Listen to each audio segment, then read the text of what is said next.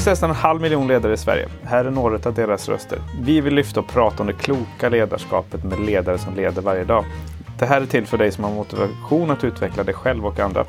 Jag som ställer frågorna, jag heter Samuel Lindén och det är Alliator som står värd för programmet. Hej Lars Karlsson!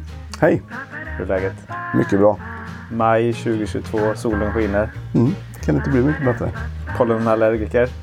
Eh, ja, har blivit det de senaste fem åren. Så att eh, har väl känt av det i år. Ja, det, det är ju det där. eh, Det, jag tänkte på det senast igår. Det var en sån här fantastisk fin dag i maj. Jag var ute och cyklade mellan jobben inne i stan. Det var nära till alltihopa. Så kände jag det här är ju liksom... Maj får inte ta slut. Nej. Det är världens bästa årstid. Och sen så kommer jag tänka på de stackars pollenallergikerna. Mm. Det, så är det. Inget eh, gott som inte har något ont med sig. Nej, så regnet var välkommet det som kom här nu förra veckan. Ja, det jag måste ha lite regn också. Ja, Eh, Det är inte därför vi, vi ska inte prata om blommor och bin och pollen här utan vi ska prata om eh, ledarskap, gärna det kloka ledarskapet. Mm. Du kan väl berätta lite grann om vem du är och vad du gör på Jobro? mm. ja vem jag är är väl en helt vanlig eh, kille. Eh, bor i Ulricehamn i dagsläget. Eh, är väl en ledare som eh, ja, började och gick el-tele en gång i tiden. Hade väl inga tankar på att bli ledare. Men hade väl tur och började på ett företag som hette Ericsson som var duktiga på att lyfta fram ledare. Så att eh, från att inte ha någon tanke till det själv så blev jag tillfrågad om man ville bli ledare. Eh, det här var 99 så att det är ju över 20 år sedan. Ja. Så att tiden går ju fort. Det är spännande tider på Ericsson där runt millennieskiftet. Ja, det ökade ju oerhört mycket. Eh, och ja, gick ju bra under många, många år. Eh, hade väl några dippar där i IT-kraschen och detta. Men eh, nej, så där har jag väl fått min skolning egentligen. Eh, ja, en engagerad ledare som ständigt vill förbättra. Eh, har väl ett ganska högt driv. Eh, man jobbar på Jobro nu då sedan tre år tillbaka. Eh, kommit in i den lite tyngre industrin, plåtindustrin. Eh, oerhört lärorikt och roligt att lära sig något annat som inte bara är elektronik. Nej. Med att jag har jobbat med elektronik sedan ja, sen skolan i princip. Då. Eh, Jobro är ett företag som har sitt huvudsäte i Ulricehamn och där är vi cirka 70 anställda. Eh, har en anläggning i Jönköping där vi är cirka 50 stycken. Och sen har vi en anläggning i Bankeryd utanför Jönköping där vi är 20 stycken. Så att eh, vi är cirka 140 personer eh, i dagsläget. Eh, backar man 15 år så var vi väl kanske 15 anställda. Så att ett företag som ja. har vuxit eh, mycket. Eh, min roll på Jobro är produktionschef så jag är ansvarig för produktionen i Ulricehamn i dagsläget. Eh, Men har även ett övergripande lean-ansvar och eh, förbättringskoordinator kan man säga på hela Jobro. Eh, Så ja, jobbar mycket att förbättra verksamheten. Och då, ni, ni bearbetar eh, plåt, Ja, stålprodukter? Det gör vi. Olika typer av material för att... Ja, förädlingsprocess helt enkelt. ja. Så vi är väl en, vi är ingen högvolymsleverantör utan vi har nischat in oss på lågvolym och prototyp. Okej. Så det är det som vi egentligen kommer ifrån och varit väldigt duktiga. Jobro har funnits i drygt 25 år och till en början var det väl nästan bara prototyptillverkning. Eh, så att vi har ju egen konstruktionsavdelning och hjälper egentligen kunderna från, från att de vill ha fram en artikel. Ja, okej. Så vi hjälper dem att konstruera dem och sen har vi alla olika processer i form av lasermaskiner, kantpress, hydraulpress, svets, montering. Eh, tills eh, produkten når sin, sitt slutmål. Just det. Så mm, Och sen när den är färdig då är det någon annan som masstillverkar dem då? Om det är masstillverkning utav det? Ja, ofta så brukar det vara så. Antingen så har vi jobb som är lägre volymer.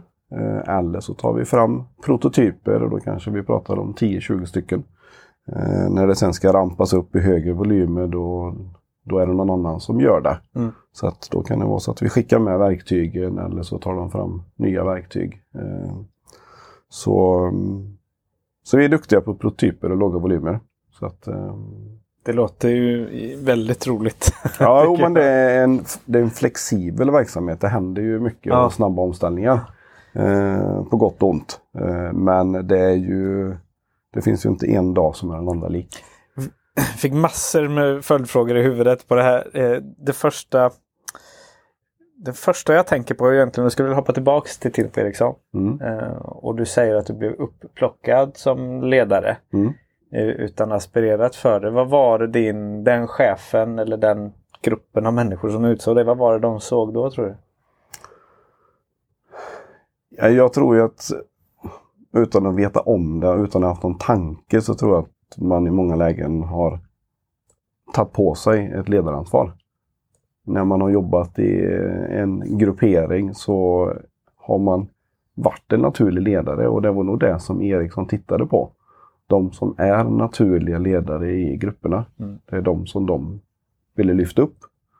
Eh, Så när jag fick frågan så Ja, jag blev väl inte, ja, lite chockad blev jag nog så för att jag hade aldrig haft en tanke på att det var ledare jag skulle bli. Det var mer att man jobbar som reparatör och tekniker och det var det som man tyckte var roligt och fokuserade på. Eh, Men det är klart att man blev smickrad och valde att hoppa på. Så att eh, det var en utbildning under nästan ett års tid. Där man fick gå med en befintlig ledare och eh, en dag i veckan hade man teori inom ledarskap. Då. Så att eh, väldigt intressant och givande Mm. utbildning.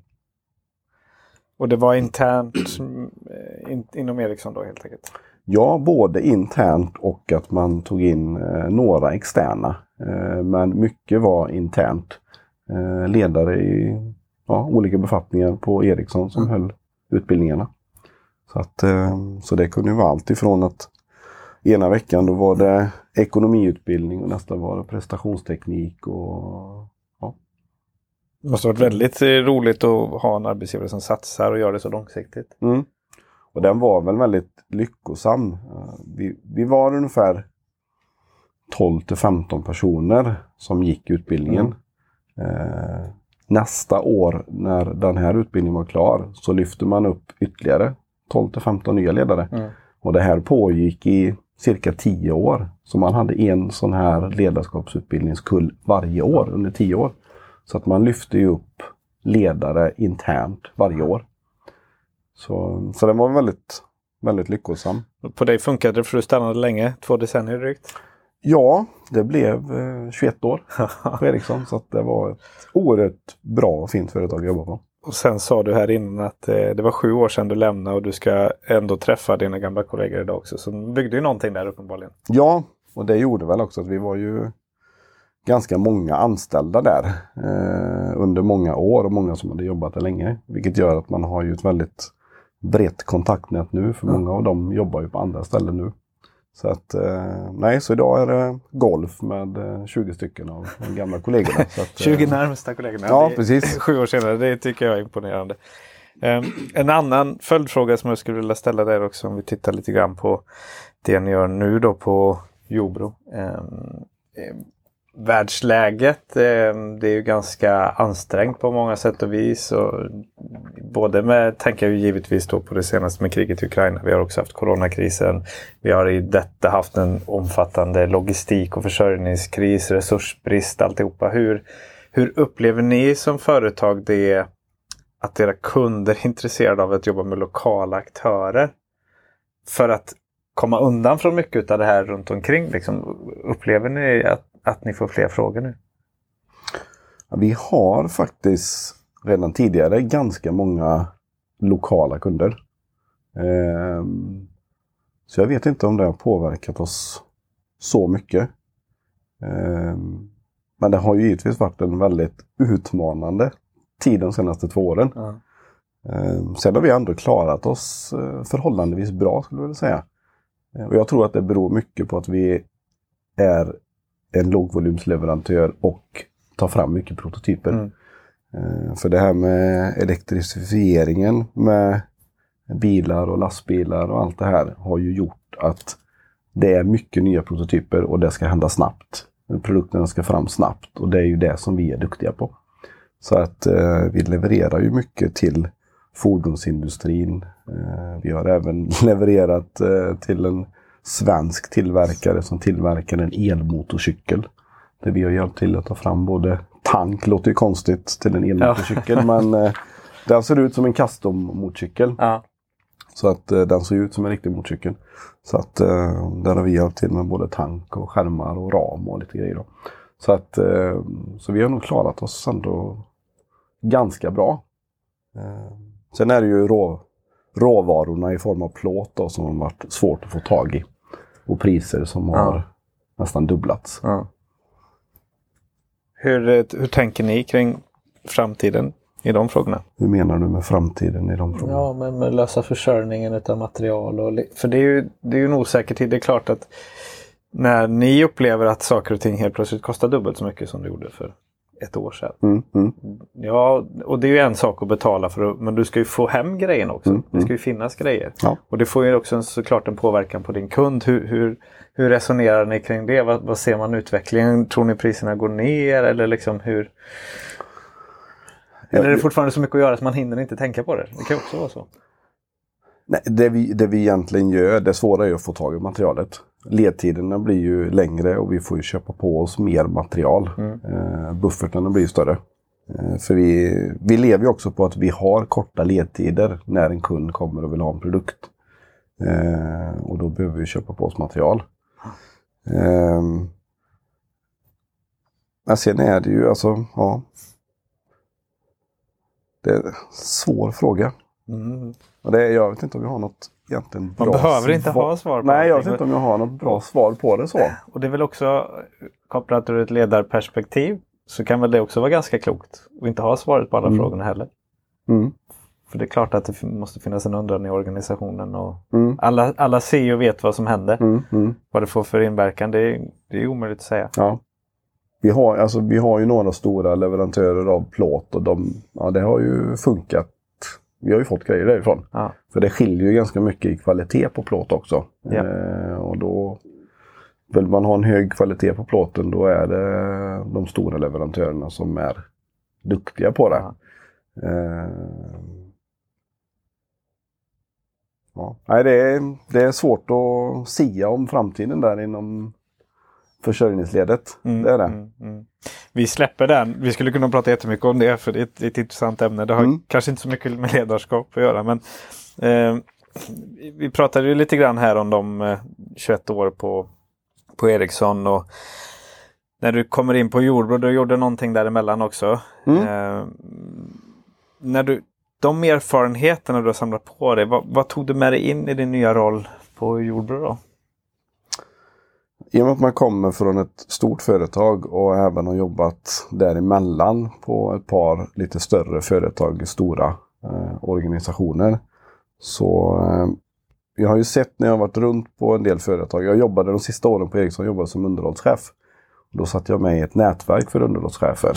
Eh, och då träffas vi och var runt på många olika företag. Så att man har ju sett många företag genom åren.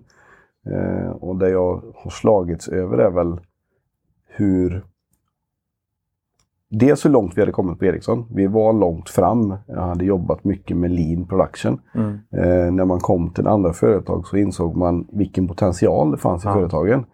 Eh, och man har inte knappt startat den här resan. Som är en ja, utmanande men häftig resa om man vill ha en väl fungerande produktion. Mm. Eh, så det fanns ju många saker som jag såg som vi skulle kunna göra på Jordbro.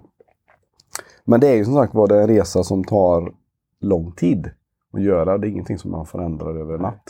Eh, så mycket av det jag tog med mig in på Jordbro var ju dels att jag jobbat som ledare i många år eh, och kom från ett klimat där på Ericsson så ville man lyfta fram medarbetarna. Eh, det var den viktigaste resursen man hade i verksamheten.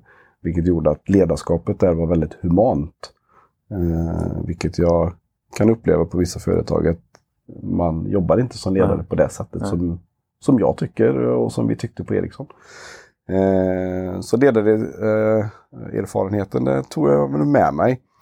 Eh, mycket av mina lean-kunskaper. Eh, att jag hade jobbat som underhållschef i åtta år. Eh, för det är ju mycket maskiner som vi har. Hur viktigt det är med underhåll på maskiner eh, och att man tar sig den tiden. För annars så kostar stoppen så mycket Ja. längre i slutändan. Eh, tänka värdeflöden. Eh, man har väldigt lätt ofta att suboptimera. Man tittar i sin egen verksamhet och sin egen bubbla eh, och sin egen process. Men att titta i hela värdeflödet och titta vart har vi våra flaskhalsar Ja. i produktion. Ehm, och jobba tillsammans. Ehm, det är så viktigt. Gör vi inte det så eh, når vi oftast inte våra mål Mm. på ett så bra sätt heller. Ehm, så det fanns många saker att, att ta med och många saker har jag väl försökt att applicera. Baserat på det du säger nu så, så tänker jag att när du kom in där så fanns det rätt mycket du ville implementera direkt. Ja. Hur gjorde du för att inte göra allt direkt? Jag försökte nog inte göra någonting till en början av de sakerna. Eh, för jag vet ju hur, hur man funkar som människa. Och kommer någon och talar om att man ska göra på ett visst sätt så ju, kan man göra det för att man säger det. Mm. Men lämnar den personen så faller allt. Mm. Eh, så här gällde det att börja lyssna av och se varför gör vi som vi gör på Jordbro? Eh, och vart kommer vi ifrån? Vad har vi för historia? Mm. Eh, och när man väl hade byggt upp ett förtroendekapital, för det är det det handlar om också. Man behöver bygga upp ett förtroende hos sina medarbetare eh, innan man kan börja förändra. Eh, så det var väl en ganska mjuk inledning, tycker jag själv. Och jag tycker själv att jag inte har gått så fort fram. Frågar jag mina medarbetare så kanske de säger något helt Mm. annat. Mm. Eh, jag startade väl sen efter ett tag att hålla lite utbildningar. För det är det som är det viktiga. Att ska vi förändra någonting så måste man förstå varför. Eh, så att jag har hållit linutbildningar och 5S-utbildningar med alla anställda. En grundutbildning egentligen för att man ska få förståelsen Mm. för varför bör vi förändra vissa bitar. Eh, kände väl att det togs emot på ett bra sätt. Det var många som sa äntligen får vi göra detta. Eh, sen finns det vissa som säger ja men det här har vi provat innan och det funkar Nej. inte. Nej. Nej, men då, då får vi prova på ett annat sätt. För det funkar om vi gör på rätt sätt. Eh, sen kräver det uthållighet. Mm. För det är som sagt var, det, det handlar om att förändra beteenden och kultur och det, det tar tid. Så att eh, nu efter tre år så har vi kommit en bra bit på vägen. Men vi har väldigt långt kvar. Mm. Mm. Det har vi. Ja, vad roligt. Och för de som inte vet vad lean är så handlar det ju eh, väldigt mycket om att minimera slöserier. Att, för jag har mycket erfarenhet från byggbranschen och där är vi jätteduktiga på folk att skruva snabbare. Mm. Men inte hur mycket tid de har till att skruva. Nej. Och lean ger sig ju på de här sakerna med, in emellan där. Precis. Så, ehm, och, och eh, där kan man väl säga generellt sett så det kommer ju från Toyota. Mm. Deras produktionssystem från början och sen så har det gått ut i industrin. Och Sverige ligger väl förhållandevis ganska långt fram Mm. ur ett globalt perspektiv. Men Mm. det finns fortfarande företag som inte har behövt anamma Nej. de här sakerna. För det är ju, alternativet finns ju egentligen inte. Man måste Nej. hela tiden jobba och utveckla. Så jag tycker Mm. också det är roligt med lean som, som eh, filosofi i många avseenden också. Även tar väldigt stor hänsyn till medarbetarna. Mm. Att vi inte lyssnar på dem så är det ett av de viktigaste slöserierna. Ja, det är det. Och då är det klart, hur, hur lyssnar man på någon som då säger att det här går inte för det har vi gjort innan? Och, för det är ju den personens upplevelse och den är ju sann i deras perspektiv. Ja, absolut. Hur jobbar du med att... Ja, men då får man ju sätta sig in i och fråga var, vad var det som gjorde att det inte funkar förra gången? Eh, skulle vi kunna göra någonting annorlunda? Mm. Eh, var du delaktig i det själv? Har du andra idéer? Alltså börja ställa frågor. Eh, och det pratar man ju oftast inom lean också. Fem varför för att hitta rotorsaken. Mm. Då har vi nog angripit det på fel sätt. Eh, och det är ju som sagt var, det är ju en lärande process hela tiden. När, vet, när vi började med detta eh, på Ericsson, början på 2000-talet. Eh, vi gick ju på jättemånga nitar. Ja. Alltså lean. Man förknippade lean med enstycksproduktion.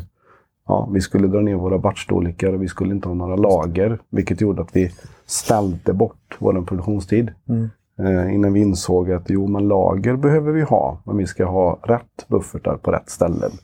Vi ska inte ha enstycksproduktion. Utan vi ska ha den här storleken på batcher. För då får vi minimal ställtid och optimala processer.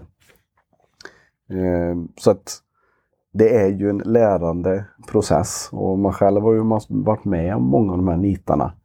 Men sina anställda som man har nu, de behöver också kunna se. Mm. Och kanske ja, vara med om, jaha nu gjorde vi så. Vi får prova att angripa det på ett annat sätt.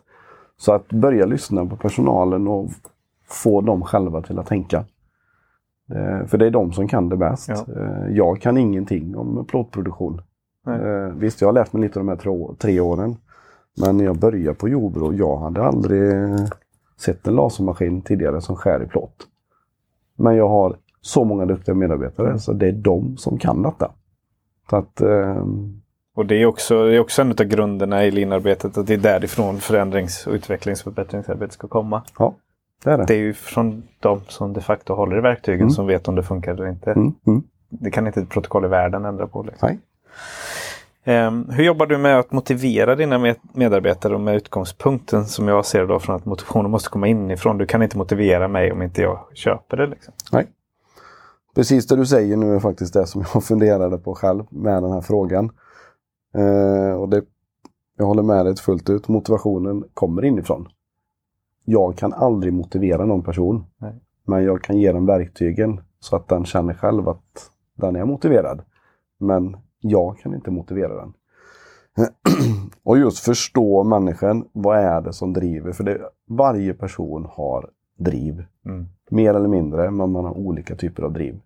Och det gäller att, som jag ser det, hitta och förstå varje människa. Vad är det som driver just dig?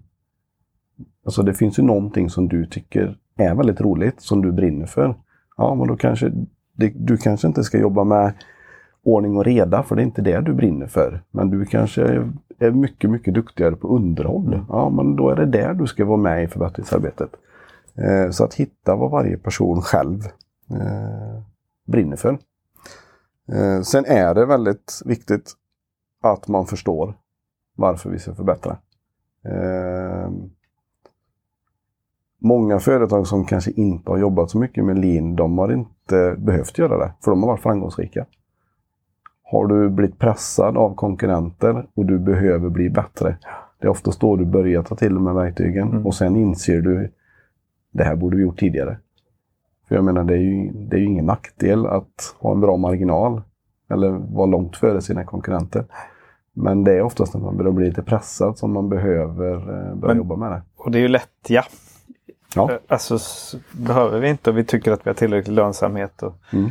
så, så det är ju gärna gött Ja, men det är ju det. Ja. det är bara att se till sig själv. Ja, ja. Så, men sen är det ju Alltså skapa delaktigheten i förbättringsarbetet. Det är inte några få personer som sitter i en ledningsgrupp eller några ledare som ska jobba med förbättringar. Alltså har du några få personer som ska jobba med förbättringar eller om du kan få alla personer på ett företag att jobba med förbättringar. Du kan få en, alltså en lavineffekt av förbättringar. Kan du få alla anställda till att genomföra två förbättringar på ett år. Ja. Så har du en sån effekt istället för att några få springer och förbättrar. Så att få med personalen och känna dem delaktiga, för det de egentligen får vara med och göra, det är att förbättra sin egen arbetsplats. Mm. Där man faktiskt tillbringar 40 timmar i veckan. Mm. Så att eh, kan man känna sig delaktig där, så då mm. får man nog motivationen på köpet. Jag eh, jobbade på Byggmax för ett antal år sedan på eh, huvudkontoret i Stockholm. Jobbade man jättemycket med lean administrativt. Så mm. till och med Scania var där som alla vet är duktiga på lean. Mm. De var där och, och besökte verksamheten för att se vad man gjorde. Dels då så jobbar man självklart ute i butikerna men också även administrativt. Och jag vet att eh, vdn där, Magnus Agevald eh, som han heter, när han var vd där som sagt så fick han en t-shirt med 10 000 genomförda förbättringar. Mm. Vi, och jag tror att när jag slutade där några år senare så var vi uppe närmare 20 000 förbättringar. Mm. Mm. Och det, alltså, då kom ju det från vi, över 100 butiker, så det kom ju varje dag små, mm. små, små saker. Och så försökte man lyfta upp best practice då för mm. att sprida. Och det var ju den stora utmaningen då i ganska slimmade organisationer. Men är det långgafflarna ska ligga här och du ska göra det på alla anläggningar så att du kan hoppa in och hjälpa någon annan och det finns en anledning till att den ligger där. Och, och sprida det där också, men också hur man rapporterade saker, hur man jobbade i processerna. Och en sak som jag tog med mig därifrån kopplat till ledarskapet var att man under boksluts och kvartalsrapportsprocesserna hann man inte med lean. Nej, precis. Så därför la man in tre pulsmöten om dagen Ja. istället för att man hade ett på morgonen. Mm. Just för att när det är som värst då måste vi verkligen. Mm. Och det var ju ett från början såklart ett enormt motstånd men när man hade förstått vinsten i det här att du tre gånger om dagen kunde stämma av med varandra Ja. och balansera arbetsbelastningen Mm. gjorde att man blev så mycket mer effektiv. Mm. Så det är också lite häftigt att ju, ju värre det är desto mer måste man Behöver ha med det. så, Ja. sakerna. Liksom. Och många, det möter man ju oftast. Eh, många som säger att ja, vi hinner inte ha möten. Nej. Vi hinner inte träffas fem minuter. Men hinner vi inte träffas fem minuter och stämma av. Men vi hinner att springa och leta efter en sak i en timma. Eller vi kan leta efter information eller vad det är. Mm. Det hinner vi. Och vi hinner ha stopp. Tydligt. Varför inte ta tiden innan och vara proaktiva? Nej. Så det är ofta det man hör, nej men det hinner vi inte. Och där, eh, men, men man blir också förblindad och sen så just det här med vi har ju en väldigt dålig möteskultur generellt. Så det är många som Mm. gillar att sitta i möten Mm. för att det, det är oantastligt vad du skriver i tidrapporten. Mm. Mm. Och det finns ett protokoll, du vet att du var där så det är okej. liksom. Men att vi är så oerhört dåliga på att, att fokusera på rätt saker och sen så bryta loss de frågorna som alla andra inte behöver höra. Så kan man ta det sen i ett Mm. mycket mer Mm. effektivt forum. Liksom. Mm. Mm. Och många är ju mötesrädda Mm. av det perspektivet också. Liksom, Mm. att vi Mm. slösar tid. Apropå motivation. Mm. Ja, precis. Den, den andra delen, och nu så här långt in i samtalet förstår jag att det där med lean det är ju din grej. Det, det gillar du. Ehm, du har jobbat mycket med det och då givetvis blivit duktig på det. Det blir man ju som allt annat. Då. Ehm, utmaningen finns alltid att få det att fungera och flyga organisationer runt omkring som har en annan inställning, en annan erfarenhet och sådär Mm. också. Mm. Och det är en sak då. Den andra saken jag skulle vilja eh, prata kring det är lagandan, hur man bygger det här laget Mm. som ska leverera resultat. Mm. Mm. Hur jobbar du med det? Alltså lagan, jag har ju själv hållit på med idrott eh, hela mitt liv. Eh, håller fortfarande på så gott det går med diverse saker. Ehm, men lagandan är ju A och O. Alltså ska du ha ett vinnande lag, ska vi vara framgångsrika så måste vi ha en bra laganda. Eh, ska jag anställa folk så tycker jag det är viktigare att anställa personer som brinner för någonting och är engagerade. Ett CV, det säger en del. Men du kan ha ett jättefint CV, men har du inte engagemanget, eh, Eh, är kommunikativ och eh, motiverad, då spelar CV egentligen ingen roll. Så att lagandan och just det här drivet hos personerna, det är så oerhört viktigt. Ehm, vi, vi pratar ju om det även när vi pratar i våra lönebedömningar. Vi bedömer en sak, hur duktiga vi är på maskiner. Men den andra biten är än viktigare. Hur är du när du är på jobbet? Mm. Är du engagerad? Är du positivt inställd till förbättringar, förändringar? Hur är du gentemot dina medmänniskor på jobbet? De sakerna bedömer vi. För det är så viktigt. Vi vill ha engagerade medarbetare. Eh, men då måste vi också ge dem rätt förutsättningar för att kunna vara engagerade. Och det gäller ju att få personerna till att känna sig delaktiga. Delaktiga personer som får ta ansvar, får befogenheter, de växer. Eh, Man har ju genom åren haft personer som har slutat där man har tänkt flera gånger att här har vi en jätteduktig person. När den slutar så kommer det bli ett jättehål. Mm. Det tar inte lång tid innan någon annan Mm. växer in i det hålet och ja, Det, det där har jag använt många gånger också. Man är väldigt rädd. Man är rädd för det och det är farligt för organisationen att vara rädd för att tappa medarbetare.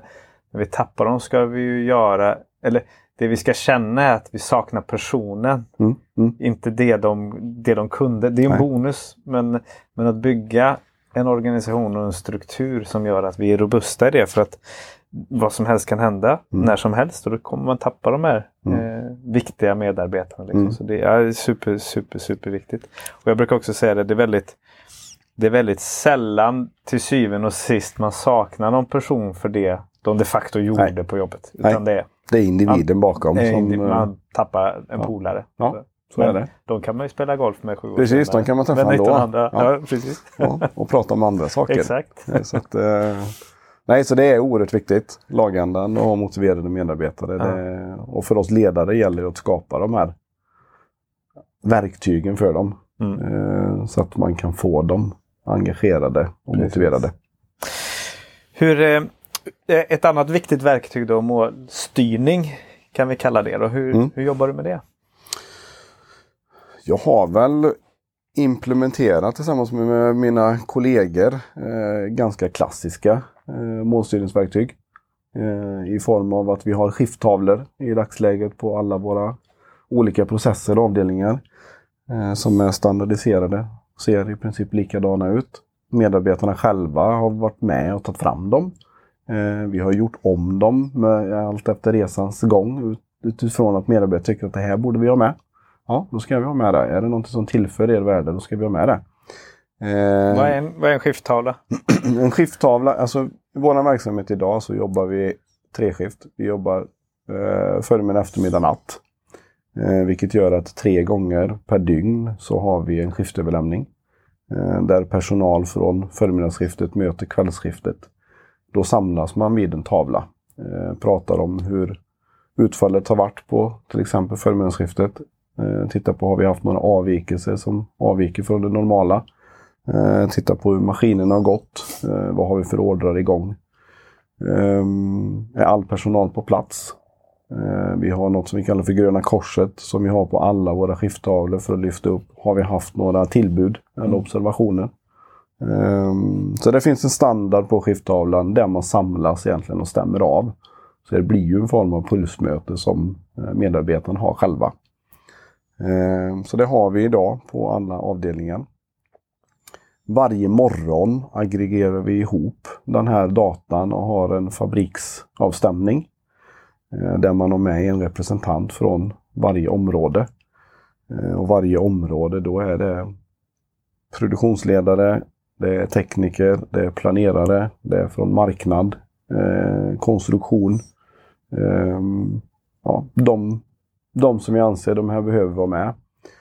Eh, och då stämmer vi egentligen av hur har det gått senaste dygnet? Hur ser nästkommande dygn ut? Eh, och då börjar vi alltid med eh, hälsa och säkerhet, Gröna Korset. Tittar om vi har haft några tillbud och Mm. observationer.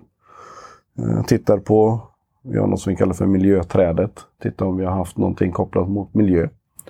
Eh, och sen går vi igenom utfall, kollar personal, processer, material. Egentligen en kort avstämning för att se att vi är på banan Mm. och är det något vi behöver omprioritera. Mm. Eh, Så det är ju en, en form av styrning. Eh, Vi har även fått igång lite stopptidssystem på våra maskiner för att logga våra maskiner. Eh, Och det kan en del tycka är lite kontroversiellt och lite jobbigt till en början. Lite kontroll. Lite kontroll att nu ska vi se vad personalen gör men det är ju återigen här, här vi har försökt gå igenom detta med personalen för att få dem till att förstå varför vi ska göra detta. Och det handlar inte om att kontrollera personal. Det handlar om att vi ska hitta våra avvikelser i våra maskiner för att personalen ska få en bättre vardag. Eh, att vi inte ska behöva jobba fortare utan vi ska jobba smartare. Mm. Ehm, så det gäller ju att, att se avvikelserna. Ehm, Hur, eh, alltså du stopptid, du, du egentligen du mäter när, när maskinen inte går och så Ja. loggar man varför den inte Varför, går. ja. ja. Alltså, det, alltså, ett stopp kan ju vara att vi inte har personal på plats. Och det ska ju inte personalen lida för, utan det är ju jag som måste se till att det finns personal där. Eller att vi kanske inte hade rätt kompetens eller att vi kanske inte hade materialet framme. Nej. Maskinen står still för materialet inte är på plats. Eh, Här kanske vi behöver jobba med logistiken. Eh, maskinen kanske står still för att eh, beredningsunderlagen inte är riktiga. En ritning kanske är svår att utläsa. Ja, då är det det vi ska jobba med. Ja. Så att här, här är ju en hjälp för operatören att lyfta fram de avvikelserna som vi faktiskt har i produktion. Så att man lyssnar på personalen. Mm.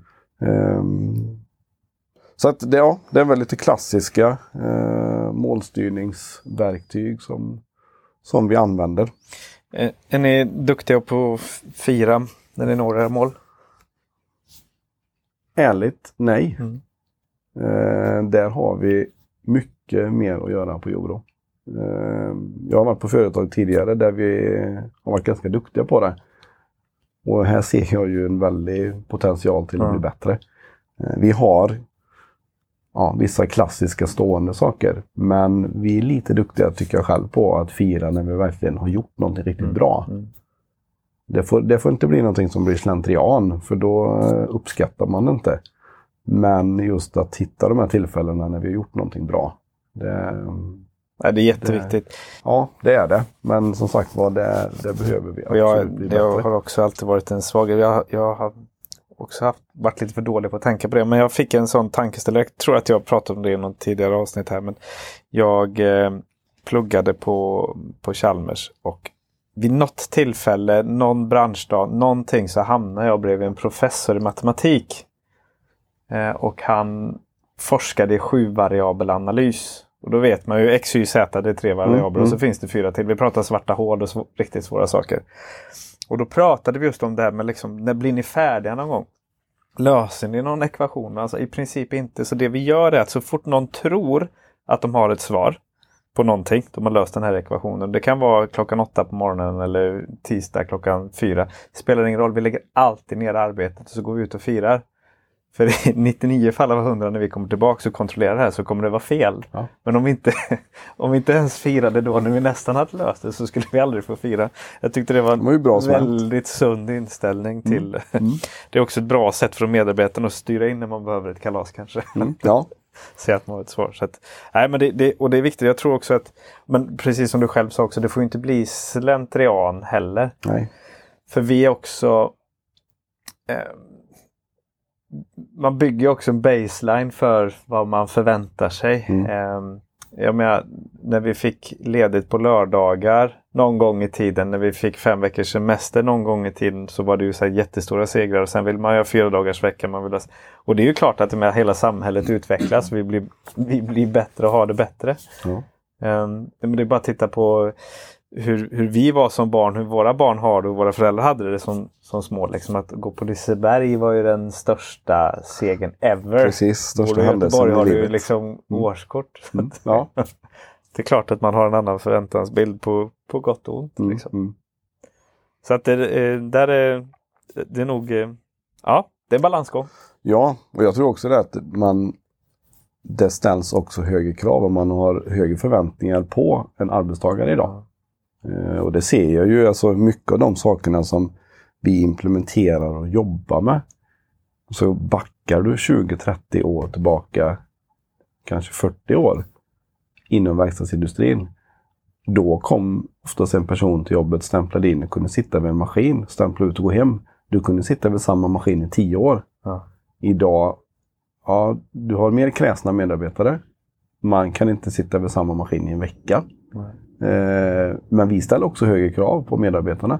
Att du ska vara mer delaktig, du ska ta mer ansvar, du ska lära dig fler maskiner, eh, du ska vara flexibel, du ska vara med i förbättringsarbete. Så vi ställer också högre krav på medarbetarna idag. Det handlar inte om att bara komma till jobbet och sitta vid en maskin.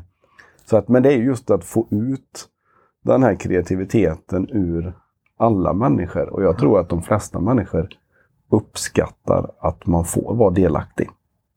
Alltså sitta på jobbet med en maskin. Det finns vissa personer som tycker att det är bra också. Mm, mm. Men det är nog också väldigt många som de vill ha lite rotation. De vill göra saker. Och de blir definitivt saker. inte fler, den, de in- individerna som är... Alltså man, man är också uppvuxen med oändligt mycket mer stimuli. Ja. Eh, jag själv kommer ihåg, jag, jag tror inte att mina barn någonsin har haft tråkigt. Nej. Eh, men jag kommer själv ihåg när vi åkte till farmor från Karlstad till Eskilstuna. Vi satt i bilen, jag, jag och mina syskon. Vi skulle komma överens om tillsammans vad vi skulle lyssna på. Mm, mm, mm. Och Sen var det bara att titta ut. Det var ju Statoil hade väl något sånt här bingo man kunde... Precis, Så, jajamän. gul bil. Alltså, men, men, men det är klart att all den här stimulin gör att vi har helt andra förväntningar Mm, både mm. på arbetslivet och på varandra runt Mm. omkring. Och det är inte farligt att ha tråkigt ibland. Nej, För då uppskattar man det som är bra. exakt Det brukar jag säga till mina barn, men det brukar inte uppskattas. Nej. Nej, och det här är ett jätteintressant ämne. Vi kommer tyvärr inte hinna prata så mycket mer om det. Jag skulle vilja, innan vi avslutar så skulle jag vilja ställa en fråga också. Hur, vad, du, liksom, vad är bra ledarskap enligt dig? Ditt sätt att se på ledarskapet? att lyssna. Ehm, alltså, jag tror själv att när jag började som ledare, eh, 99, så var jag ingen bra lyssnare. Ehm, har väl lärt mig mycket med åren att lyssna och försöka förstå de medarbetarna man har. För får man en förståelse för varför de tycker, tänker och vill göra på ett visst sätt så kan man också coacha dem. Mm. Eh, så att man lyssnar som ledare är eh, oerhört viktigt, tycker jag själv. Där kan jag slänga in ett tips och det är att starta en podcast. Då blir man väldigt duktig på ett aktivt lyssnande. Ja. För mitt jobb är att vara tyst och få dig att prata. Ja. Och jag har väldigt gott om tid att tänka på Mm. vad du har sagt och hur man kan utveckla det i följdfrågor. Så det är en bra övning. Ja, ja, du kanske ska göra det då. Starta en Kanske det. Joblo-podd. Ja, det tycker jag. Ja. Eh, sen är alltså tydlighet. Eh, när man har varit på ledarskapsutbildningar så jag kan uppleva mig själv som tydlig. Men när man har gjort övningar där man är videofilmad Mm. och skall förmedla ett budskap, kan vara ett jobbigt budskap till medarbetare, så kan man själv sitta och titta på sig själv efteråt. Och när man själv tycker att man är tydlig Ja. så undrar man, kom till saken. Ja. Man pratar runt.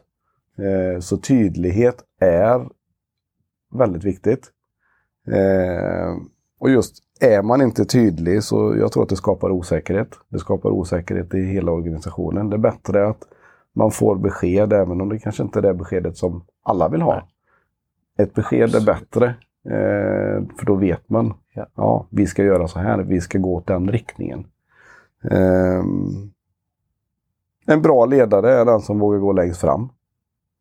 Man, man behöver vara lite visionär. Våga ta de här smällarna. Ehm, så att man inte är den som knuffar de andra framför sig och låter någon annan prova. Utan man, man är den som vågar leda. Vi har ju två, två europeiska ledare just nu. Mm. En i Ukraina och en i Ryssland som Mm. har lite olika stil. kan man Mm, säga. En som precis. leder från bunkern och en som leder från fronten. Ja. Eh, väldigt, väldigt tydligt hur man eh, Mm. har olika inställningar. Också uppenbarligen helt olika världsbild. Ja. Vi eh, får alltid eh, det är alltid en kamp mot klockan när man sitter här. Nu tittar vi på klockan nu. Eh, jag tänker att jag skulle ändå vilja ställa en fråga om framtiden här innan vi, vi stänger. Vad, hur tänker du kring din organisation, kring ledarskapet? Mm. Eh, som jag sa innan där, vi, vi har kommit en bit på vägen som jag ser det. Eh, vi är ändå ett företag som är väl fungerande. Jämför jag med många andra företag så har vi kommit ganska långt. Eh, men vi har ju oerhört långt kvar. Eh, så den här resan som vi egentligen har påbörjat, den är som sagt var, den är påbörjad. Eh, och där vi har, utmaningarna, vilket vi nu har. Vi har startat igång lite tvärfunktionella förbättringsteam. Eh, min reflektion på de första åren har väl varit att vi är... I och med att vi ska vara snabbfotade, vi jobbar mycket med prototyper, så blir det också mycket problemlösning. Eh, vi är inte så duktiga på att knyta ihop säcken och analysera. Nej. Och eh, åtgärda rotorsaken så att vi inte gör det igen. Vi är väldigt duktiga på att prata om det. Vi pratar om det i sin egen organisation, sin egen avdelning. Vi pratar om det två och två i korridoren. Men vi träffas inte och pratar om avvikelserna och löser dem. Eh, Så att jobba mer tvärfunktionellt emellan avdelningarna är, som jag tror, det nyckel till att knyta ihop säcken. Ja. Och att vi gemensamt kommer fram till, ja men så här borde vi faktiskt göra. Skapa gemensam förståelse också. Ja. Mm. Så att eh, just nu har vi faktiskt startat igång tre stycken olika eh, tvärfunktionella förbättringsteam som vi kör. Eh, ett på måndagen, ett på onsdagen och ett på fredagen. Mm. Där vi träffas 30 minuter. Eh, då kan det vara ett, ett förbättringsteam som är produktion, marknad, planering, inköp som träffas. För att titta på just de frågorna. Eh, kommer det upp andra typer av frågor så kan du flytta med dig till ett annat forum Mm, där mm. du kanske har med konstruktion och produktionsteknik för att kolla mer på de tekniska frågorna. Ehm, och det gör ju också att man kollar mer på hela värdeflödet.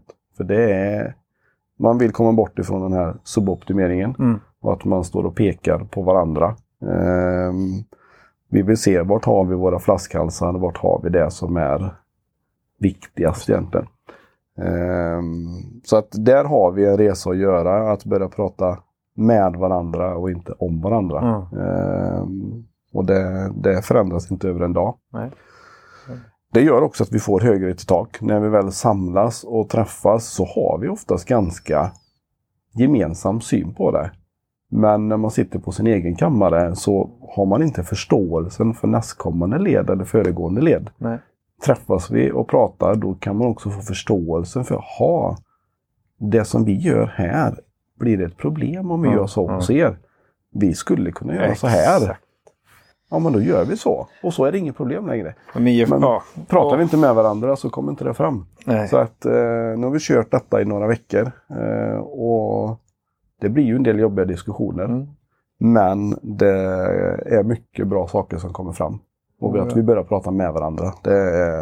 Eh, så det, det tror jag, där har vi en resa framför oss. Men eh, jag tycker att det har ändå startat bra. Eh, så att det finns bra förutsättningar till att det ska bli bra också. Härligt. Ja, tiden är slut. Mm. Våran tid här är slut. tyvärr. Hur gör man för att komma i kontakt med dig Lars? Ja, gå in på vår hemsida jordbruk.se så kan du bekanta dig lite med företaget. Eh, se vad vi gör. Eh, och där hittar du även mina kontaktuppgifter. Så att, eh, Skriver ju det i programbeskrivningen givetvis. Så att man Mm. hittar det. Tack för att du kom hit och jag fick prata med dig. Eh, oerhört intressant både ur ledarskapsperspektiv också men ur det här lean-perspektiv. Det var jättekul att prata lite mer om det. Hur det hänger ihop med ledarskapet. Tack till dig som har lyssnat på det här avsnittet och glöm inte att du ska prenumerera på den här podden så blir du aviserad så fort vi släpper ett nytt avsnitt. Och vill du veta mer om du kan utveckla ditt eget ledarskap så rekommenderar vi såklart ett besök på alliator.se. På återhörande.